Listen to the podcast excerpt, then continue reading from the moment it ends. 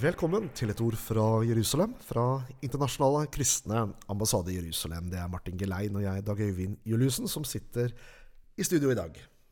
Ja, eh, Misjonskirken Norge har fått ny generalsekretær, og i Norge i dag så skriver Siri, sier Siri, Iversen at den kristne kirke alltid har levd med forventningen til Jesu gjenkomst. Og vårt håp er at han skal komme tilbake og sette alle ting i rette stand.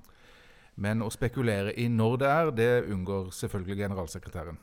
Ja, Det er fornuftig, egentlig. Ehm, det har alltid vært en forventning i Den kristne kirke opp igjennom historien.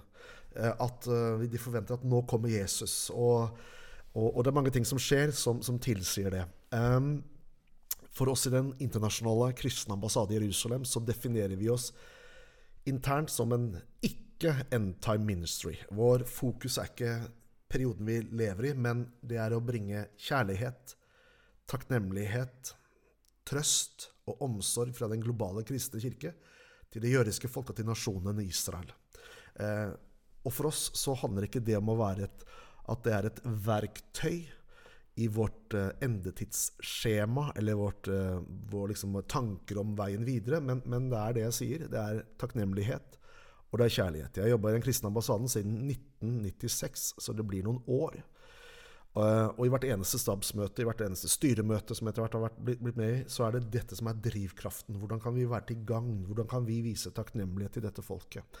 Og det er en helt annen kurs enn det som har preget Kirken opp igjennom historien, med erstatningsteologi og mye kirkelig antisemittisme.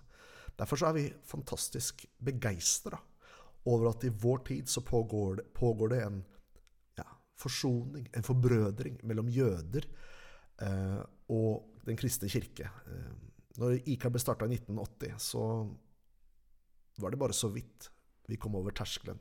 Det, helt naturlig så var det dyp skepsis mot oss kristne i Israel. Dette var bare 35 år etter holocaust, som skjedde i det kristne Europa. Mens i dag så er det en totalt annerledes relasjon som har endra seg på bare fire tiår mellom det jødiske folket i Israel og den globale kristenhet og kirke. Og Det er fantastisk, og det er drivkraften vår. Enten jødene tror på Jesus som Messias, eller ikke tror på Jesus som Messias, så ønsker vi at de skal være gjenstand for, for kjærlighet og takknemlighet. Ja, nåden kommer i alle tilfeller alltid før troen. Mm. Og Gud skapte jo Israel eh, for en hensikt. Det her er folk og det landet, nasjonen. Og det var for å velsigne alle mennesker av alle folkeslag. Og det har Gud gjort. Mm. Altså Til tross for all den motstanden. Vi kan se hvordan farao ønska å, å, nekte folk å fare, og se Haman klekte ut en, eh, en, grusom plan for å utrydde hele jødefolket når de skulle hjem fra eksil i Babylon. Men allikevel, og òg til tross for folkets stadige ulydighet og troløshet, så har Gud vært trofast. Og han har jo gitt oss Bibelen og Jesus, den nye pakt, evangeliet og Den hellige ånd fra det her folket og landet deres, fra Jerusalem. Jesus sier til og med at frelsen kommer fra jødene. Ja, halleluja, må jeg nesten si. Frelsen kommer fra jødene. Og, og, ingen har klart til nå å hindre Gud i å oppfylle sine ord og løfter.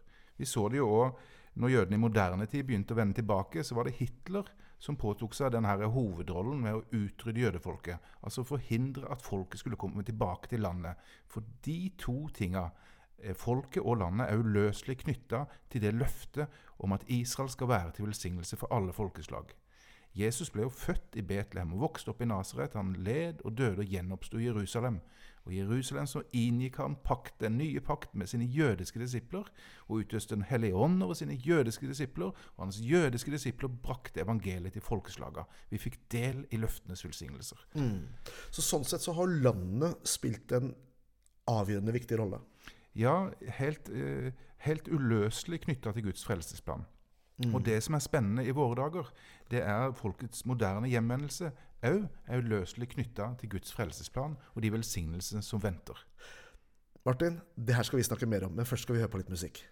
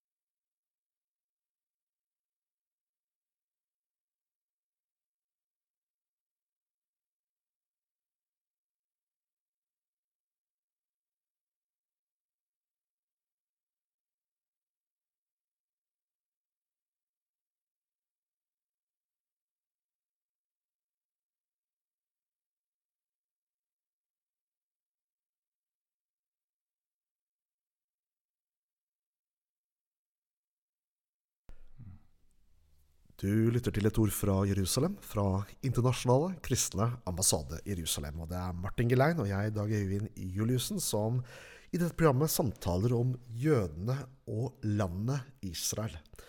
Og vi sa det her før musikken, Martin, at landet Israel alltid har spilt en viktig rolle i det jødiske folkets historie og identitet, og også i Guds store frelsesplan.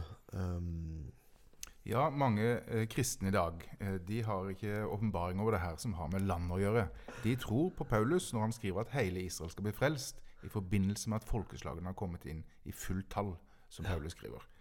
Eh, men landet det forstår man seg liksom ikke på. Hva er det som er så viktig med det landet? Mm. Men vi kan jo se på oss selv og forstå det at det er viktig med vårt land. Det er ikke vanskeligere enn det. Det er viktig for et folk å ha et land, og det er viktig for jødene, akkurat som det er for nordmenn. Men det er òg viktig for Gud. For gjenopprettelsen av Israel er en prosess hvis vi leser profetene. Først kommer folket hjem, så gjenopprettes Israel, og så kommer hele folket et rett forhold til Gud. Hele Israel ble frelst, som Paulus skriver. Og det vil forløse velsignelse igjen fra nasjonen Israel til alle folkeslag. For da kommer nemlig Jesus tilbake. Han skal styre over alle folkeslag med rettferdighet, og det skal bli fred på jorda. Og det skjer ikke uten at jødene kommer tilbake. Like lite som at Jesu første komme hadde skjedd i historien dersom jødene ikke hadde kommet hjem fra eksil i Babylon. Interessant. Så her er det store linjer som Gud uh, sørger for å virkeliggjøre. Ja, Dette er interessant, for dette er noe som både det Bibelens profeter taler om i GT, og som Paulus bekrefter i Romerbrevet, særlig 11. Og i Sekel 36 så står det at Gud skal åpenbare seg for folkeslagene. De skal kjenne at han er Gud. Når han bringer det jødiske folket tilbake igjen. Når han åpenbarer sin hellighet over dem, står det. Og vi tenker jo at det er midt i den prosessen vi står nå, for at Gud henter det jødiske folket hjem igjen. Og når de kommer tilbake, så skal Gud ta ut steinhjertet, og han skal gi dem et kjøtthjerte. Og han skal gi dem sin ånd i deres indre, sier profeten Esekiel. Og da sier altså profeten også at folkeslagene, nasjonene, skal kjenne at Gud er Gud. Det er fantastisk, altså. Det er Guds misjonsprosjekt, for å si det sånn. Ja, forestill deg det, om det hadde skjedd noe plass på jorda, at et folk, en hel nasjon, tok imot Jesu evangelium og ble fulgt av Den hellige ånd. Eh, det skal altså skje med Israel. Det er ingen tvil om at Paulus skriver om det. Og selvfølgelig vil det gjøre noe med alle nasjoner. Ikke bare fordi at jødene blir frelst, men også fordi Jesus da kommer tilbake. Så, så, Gud vil velsigne alle folkeslag gjennom Israel, og ingen kan hindre han i å gjøre det.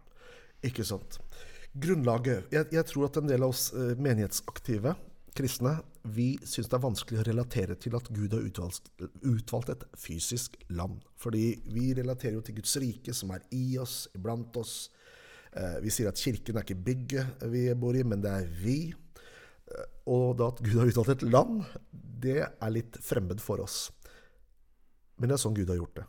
Så. Han har til og med gjort det ved paktsinngåelse med Abraham og hans etterkommere som Gud ensidig har inngått med dette folket. Og når han har valgt å gjøre det sånn, så har han valgt å gjøre det sånn. Ja, Gud ble menneske og tok bolig blant oss. Tenk det. Og han kom ut av det her folket og det landet. Og det, eh, det, er ikke sånn at Jesus var jøde. Jesus er jøde. Og vi skulle ikke um, være kritiske til at Gud elsker jødefolket og at han har en vei for dem, og at han ønsker å se nåde til dem. For vi vet at alle mennesker har fått del i den samme kjærlighet og den samme nåde ved evangeliet. Hadde det ikke vært for det at Gud elska oss, så var det ikke noe håp for noen av oss. Men det er håp. Det er håp for meg, og det er håp for alle, og det er håp for de vi ber for, det er håp for Norge, og det er altså håp ikke minst for Israel. Absolutt. Og når Gud har utvalgt dette folket, inngått en pakt på dem, at han da etterpå som erstatningsteologien og kirken har lært opp gjennom historien, skulle forkaste dem. Det stemmer jo ikke med hvem Gud er. Det er derfor Paulus sier i Romerbrevet 11 Gud, når han snakker om jødefolket, Gud angrer ikke sitt kall og sin utvelgelse. Da har vi kommet til veis ende i dagens sending. Du har hørt Martin Gelein, og jeg heter Dag Øyvind Juliussen. Du har hørt på et ord fra Jerusalem, fra Internasjonale kristne ambassade i Jerusalem. Gud velsigne deg.